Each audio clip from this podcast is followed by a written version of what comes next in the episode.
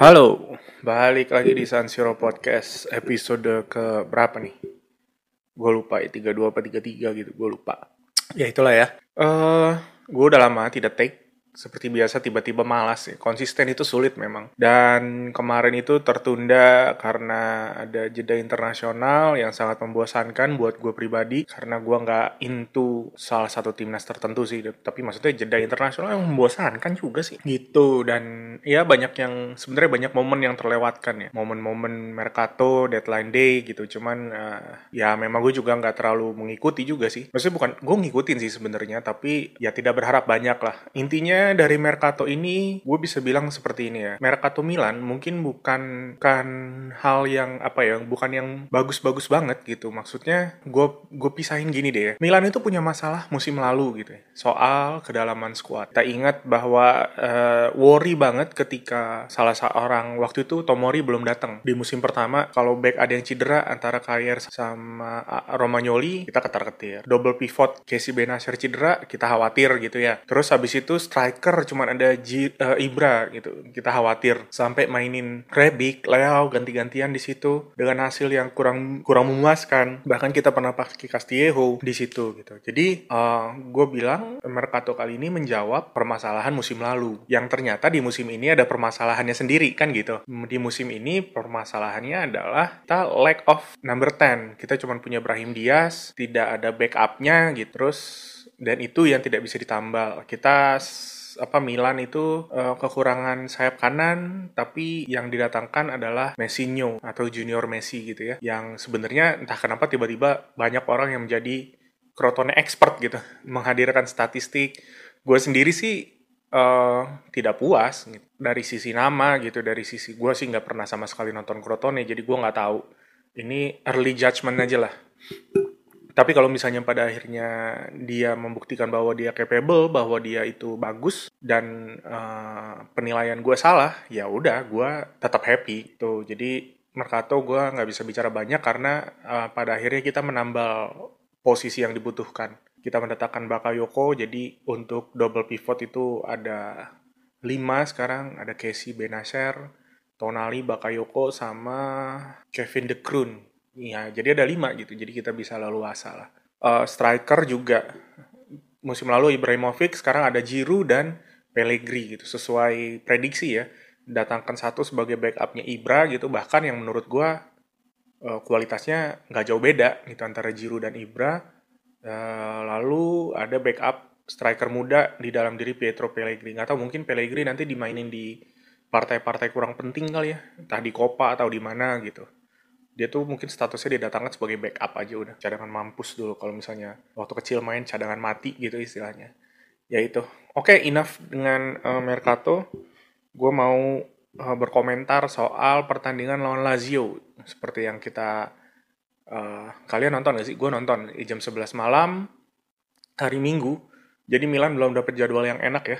Selalu dini hari dan atau atau hari Minggu malam dan ke setengah apa dini hari gitu lah.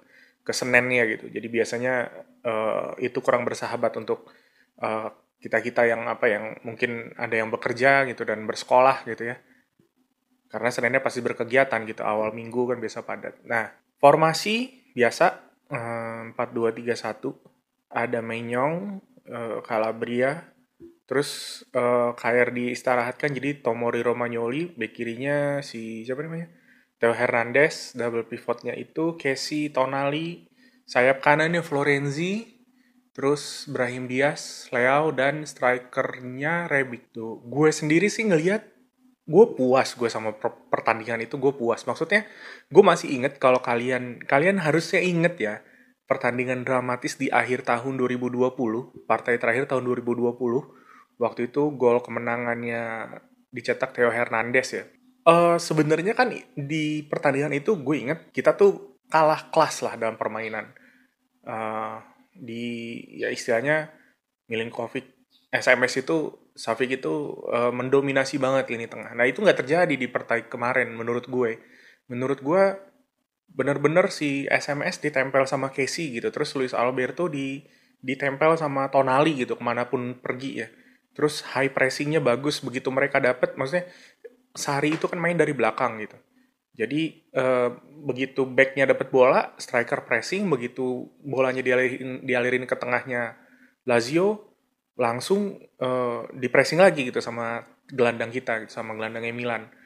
Dan gue sih ngelihat nggak ada nggak ada threat yang nggak ada tantangan nggak atau nggak ada nggak ada peluang yang mengancam gawang Milan gitu. Karena bener-bener lini tengahnya dimatiin gitu ya. Bener-bener itulah. Gue gue pertandingan kemarin itu yang menarik karena gue kayaknya itu pertandingan yang gue jarang ngeliatin bolanya gitu.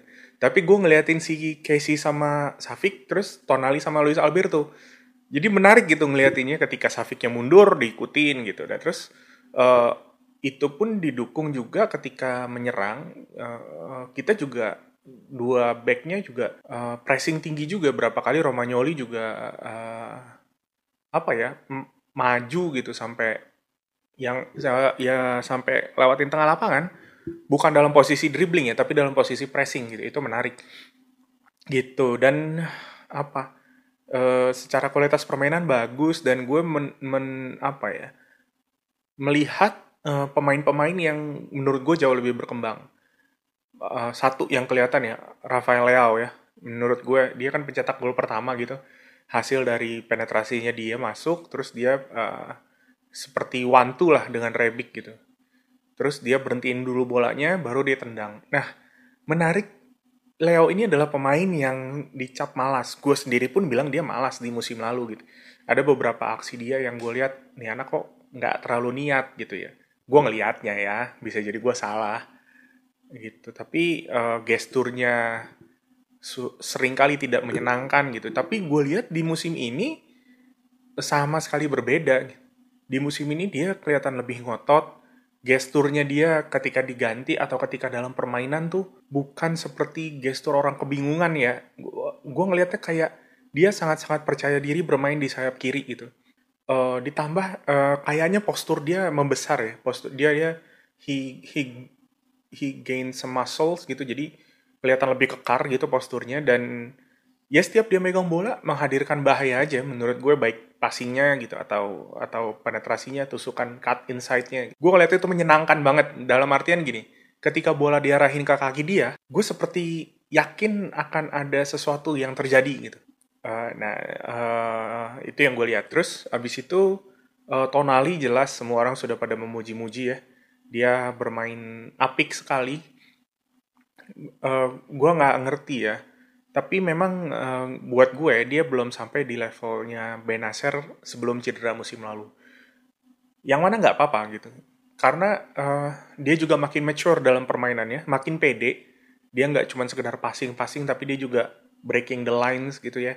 Dia bisa dribbling bawa, terus uh, aksi defensifnya juga bagus. Bahkan gol keduanya Milan yang dicetak Ibra itu kan dia passing cepet itu apa ya first passing ya dia dapat jadi itu lagi dimain apa Milan lagi diserang berhasil direbut bola dimainin dia langsung passing ke depan gitu panjang passing jauh ke Rebic. Dari situ Rebic uh, giring bola dan itu hebatnya Ibrahimovic ya menurut gue The Lion ya The God kalau gue bilangnya ya. Uh, dia tuh larinya lambat kan. Dia pertama lari jogging pelan jogging pelan gue sampai pikir gue pas nonton gue pikir ini Ibra kenapa nggak cari posisi sih? Gitu. Larinya dia jogging santai tapi tiba-tiba dia kayak tahu Rebic akan narok bola di mana dia lari ke ruang kosong dan sprint gitu. Apa ya bukan sprint juga sih cuman dia menambah kecepatan larinya gitu. Terus akhirnya dia mencetak gol pertama dia setelah cedera gitu. Terus dia dirayakan di itu kurva sud kayaknya oh iya kayaknya itu dia. Terus dia dia lari gitu ya dia gol. Maksudnya itu sebuah gol uh, yang menunjukkan kematangannya Ibrahimovic. Dan dia udah mau umur 40 tahun gitu itu luar biasa. Tuh dan apa itu gue ngelihat uh, banyak tuh adegan-adegan yang dia sedang jongkok. Dia lagi benerin tali sepatu tapi nggak jadi kan. Tapi gue meng-highlight passingnya Tonali sih itu bagus banget cantik banget lah itu passingnya. Uh, mulus gitu membelah pertahanan. Asik membelah pertahanan.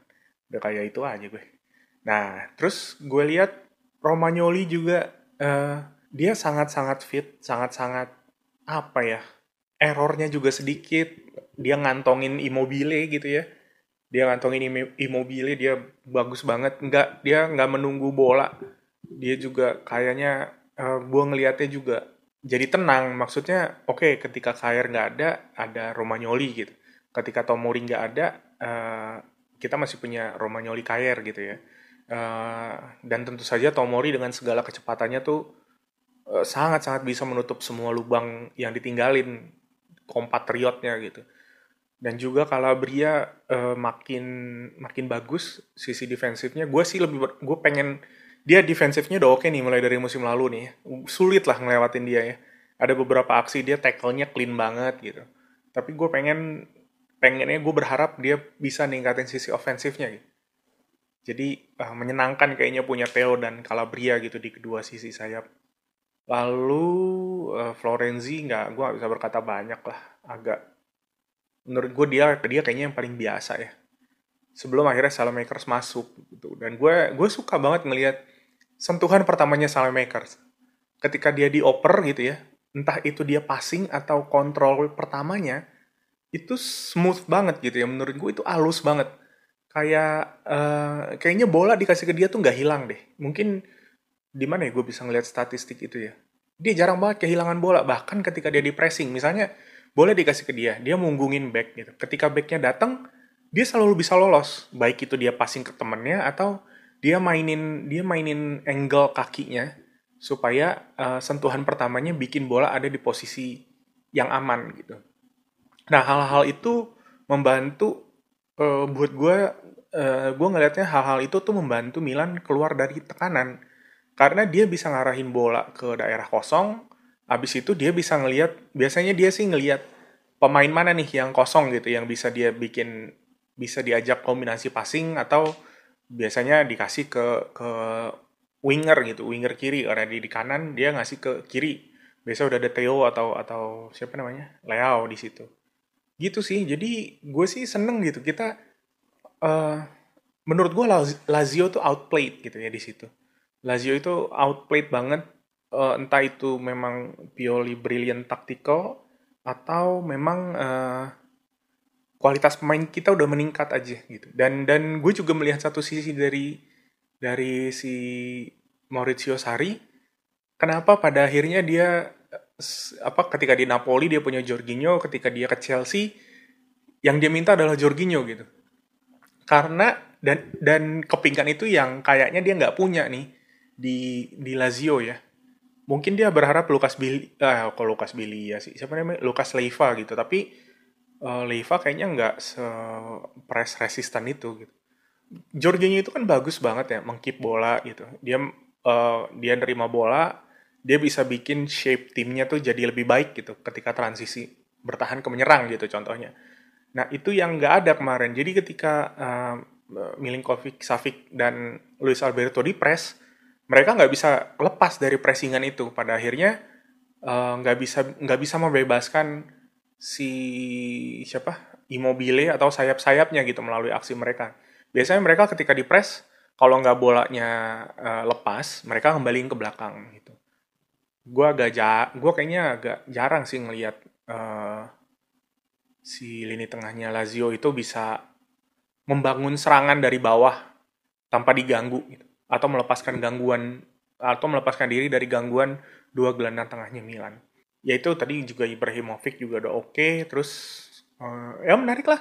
Uh, banyak juga pujian kan ke tim ini ya. Gue tadi barusan baca Fabio Capello juga uh, bilang bahwa dia senang sekali dengan tim Milan yang ini gitu karena nunjukin nunjukin semua kualitasnya ya, ada speed, ada power, teknik dan taktik.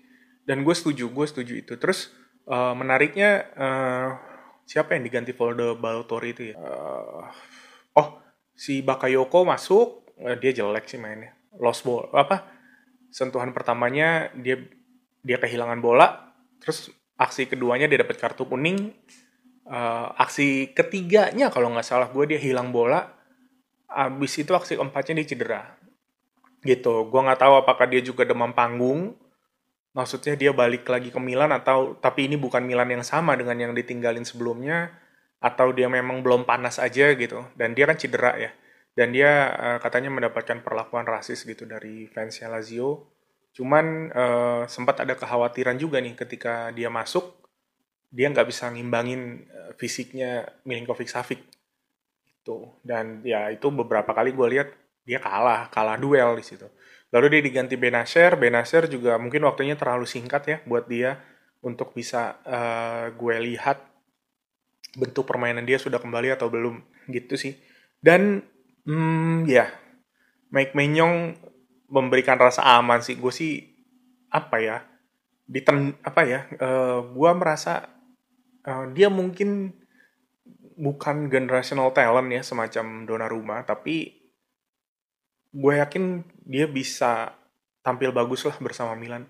Dia memberikan rasa rasa aman gitu menurut gue ketika ada tembakan atau bola-bola atas. Ada satu satu aksi ya kayaknya cornernya Luis Alberto itu ditangkap terus ada satu lagi yang gue kira itu harusnya di tips gitu sama dia tapi sama dia ditangkap gitu. Dia shoot stoppingnya bagus cuman memang build up dari belakangnya belum setenang Donnarumma ya. Cuman dia long passnya bagus sih. Itu jadi itu memberikan satu dimensi baru lah ke permainan Milan. Gue ngelihat kayaknya Milan udah punya banyak taktik sih. Gitu. Terus satu lagi Voldo Balotore masuk kayaknya jadi sayap kiri gitu. Dia gantiin Brahim Diaz ya. Jadi uh, Zlatan jadi AMC Rebic jadi striker Balotore masuk di sayap kiri dan itu itu tadi yang gue bilang di pertama di awal itu nunjukin uh, ya kedalaman skuad Milan ini bagus.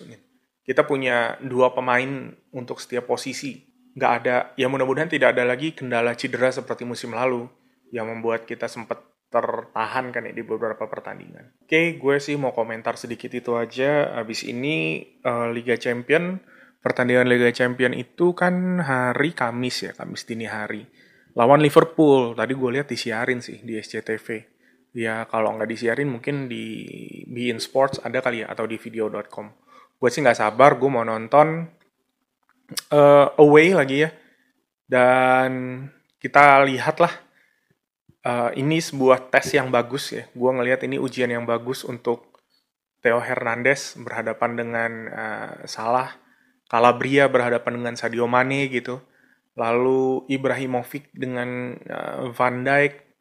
Terus uh, siapa lagi namanya? Siapa pun di lini tengah kita gitu. Benasher, Casey, Tonali. Dengan uh, Henderson, Fabinho, Thiago Silva gitu ya. Ini sebuah uh, sebuah pertandingan yang yang bisa apa ya sebuah pertandingan yang membuat gue excited karena uh, pada akhirnya anak-anak muda Milan ini punya panggung yang lebih luas dibanding Serie A gitu. Gitu sih. Gue hanya mau berbicara seperti itu dan uh, eh, 9 poin dari tiga pertandingan baru kebobolan satu. It's a good sign, a very good sign. Uh, gue nggak muluk-muluk berharap Scudetto, yang penting masuk lagi Liga Champions musim depan. Dan abis dari Liverpool, kalau nggak salah ketemu Juventus, uh, gue berharap juga uh, Milan bisa ambil momentum Juventus yang lagi uh, dalam periode buruk. Jadi uh, kita bisa menang dan Juventus tiga kali kalah beruntun. Itu itu sangat menyenangkan sekali itu nanti.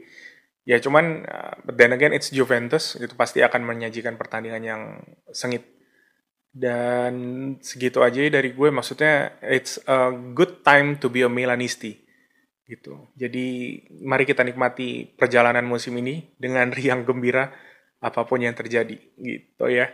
Karena karena ada yang gue baca juga di tweet ada yang bilang gini, pressingnya Milan itu rapih banget kemarin gitu. Tapi yang patut ditunggu adalah apakah bisa memainkan uh, pola seperti ini satu musim uh, secara konsisten. Karena itu kelemahannya Jurgen Klopp kan di awal-awal dengan gegen pressingnya kan di setengah musim pemainnya biasa bertumbangan tuh. Mungkin itu yang diantisipasi dengan mendatangkan pemain sebanyak-banyaknya untuk memperdalam skuad. We never know, but yet we need to wait. Terima kasih banyak udah dengerin.